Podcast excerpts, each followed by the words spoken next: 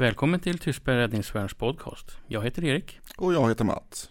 Podden är i samverkan med Förbundet Sveriges frivilliga brandkårer och Myndigheten för samhällsskydd och beredskap. Och gäster är Per Andersson och Henrik Dovén Thorén från Sörmlandskustens räddningstjänst. Välkomna! Tack, tackar!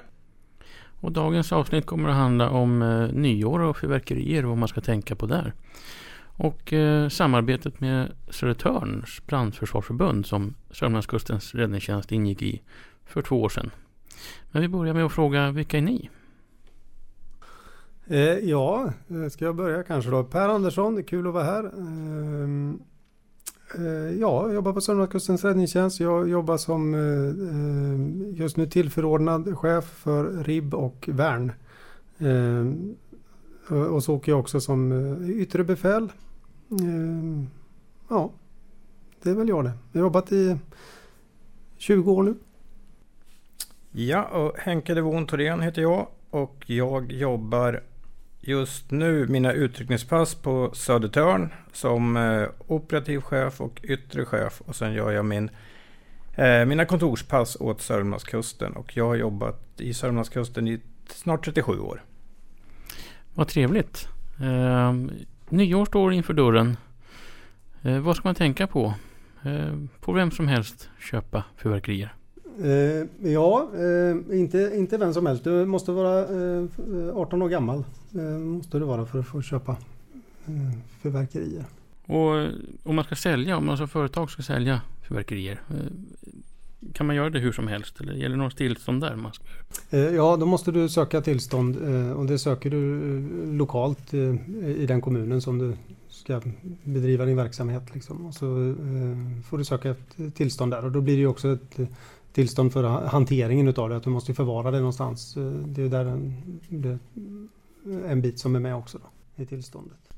Och nu när jag har köpt på mig massa fyrverkerier här inför kvällen. Mm. Vad ska jag tänka på?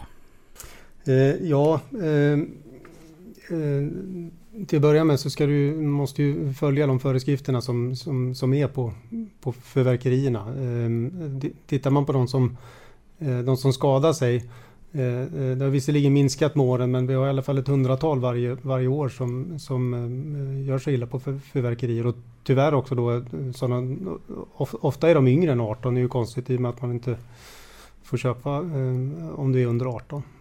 Men ehm, följ, följ föreskrifterna som är eh, på till att börja med. Det är ofta där som man slarvar när man gör sig illa. Att man går fram, går fram för, eh, till, en, till en raket som inte har gått av. Du har inte följt de, den tidsangivelsen som står. Och jag kan ju tycka om man, om man råder köpa en smällare så, så har du också råd med en blindgångare så då kan man gott låta den vara istället. Man behöver inte gå fram till den överhuvudtaget. Eh, och sen är det också avståndet till smällarna som, som är jätteviktigt att du eh, inte får stå för nära helt enkelt.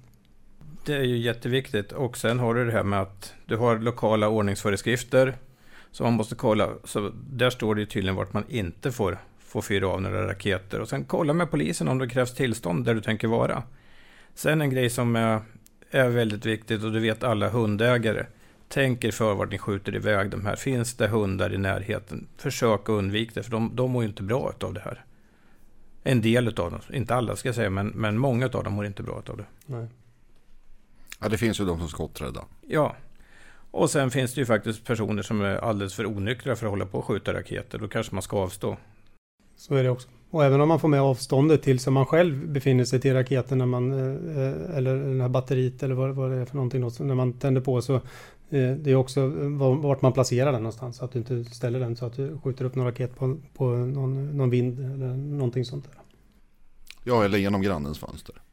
Ja, eller att den välter bara och kommer mot, mot mm. personer. För det ska man ju komma ihåg att det är ju den som fyrar av de här raketerna som är helt eget ansvarig för det också. Mm. Ja, det är många som har gjort sig illa. Hur ser nyårsafton ut för räddningstjänsten? Eh, är den lugn eller stökig eller vanlig?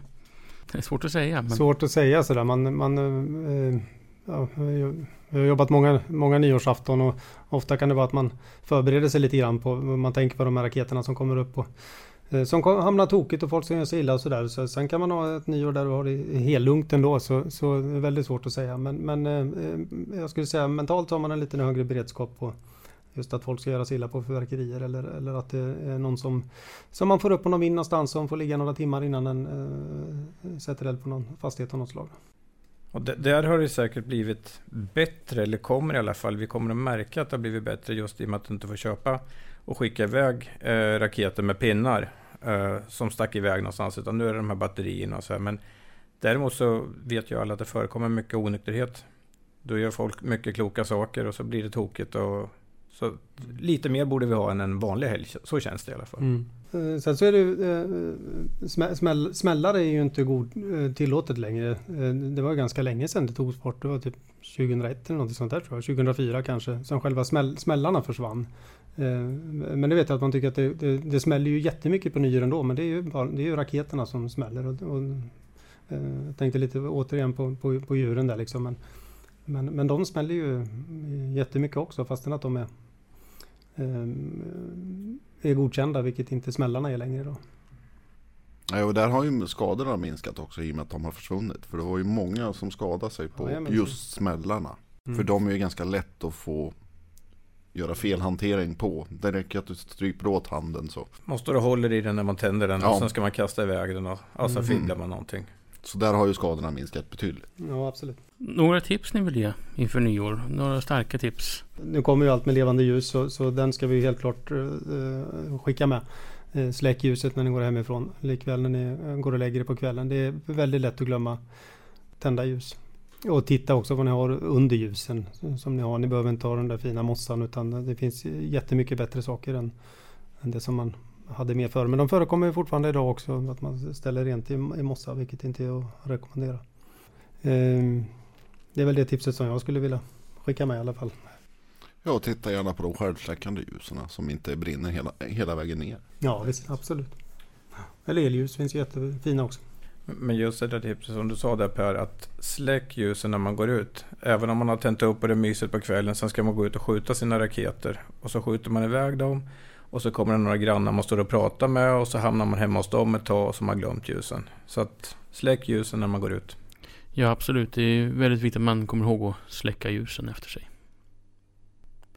Sedan november 2019 eh, så gick vi med i ett samarbetsavtal med Södertörns brandförsvarsförbund. Eh, hur kommer det sig att tankarna väcktes där att vi skulle börja samarbeta med Södertörn? Ja, vi hade inte själva förmågan att ha en ledningscentral bemannad hela tiden, utan vi var tvungna att ingå i ett större system. Eh, att bygga upp den där möjligheten själva hade blivit alldeles för dyrt.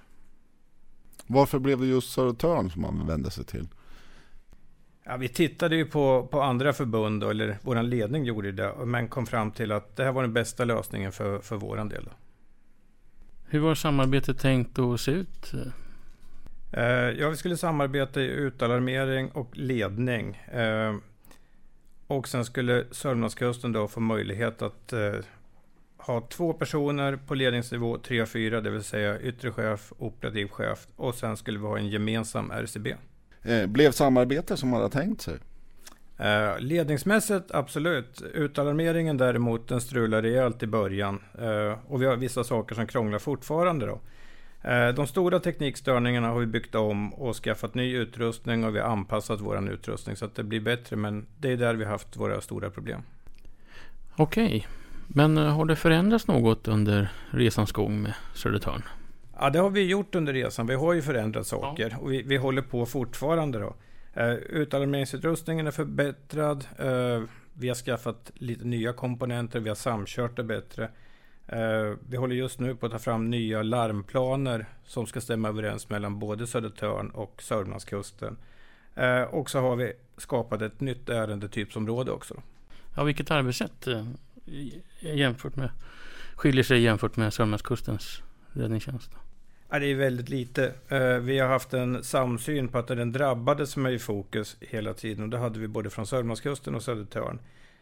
Den stora skillnaden är ju att Södertörn då, eller Räddningscentralen Stockholms län, de är vana att larma på fler resurser direkt och sen vända det om det, om det inte behövs. Medan vi från Sörmlandskusten förut var mer defensiva, vi lät en styrka åka fram och titta och sen började vi lägga på. Då. Nu, nu lastar vi på och så vänder vi istället. Eh, men hur ser eh, framtiden ut med Södertörn?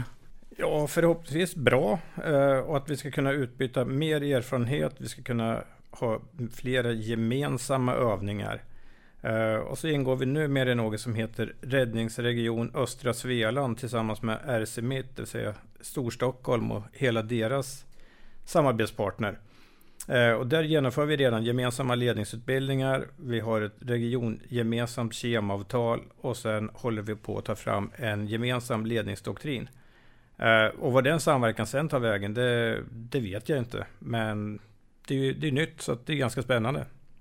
Det är ett stort upptagningsområde om man ser hela den regionen. Det är cirka, cirka 3 miljoner invånare som vi betjänar och cirka 35 000 larm per år i den regionen. Ja, det är lite storlek på. Hur stor betydelse har räddningsvärnen för Södertörn och Sörmlandskustens räddningstjänst? Ja, men det, är, det är en stor betydelse. Sörmlandskusten har fyra värn och Södertörn har nio värn. Eh, vi ser bägge två, alltså bägge organisationerna ser att värnen gör en otrolig nytta. Eh, en jättebra resurs med, och det är ju hängivna och duktiga brandmän som vi försöker nyttja så mycket som möjligt. Södertörns värn, de ligger främst ute på öar så att det är ju en jättevinst att kunna få folk som startar igång på en gång innan man har fått ut personal med båt. Så att äh, bägge organisationerna ser jättepositivt på det.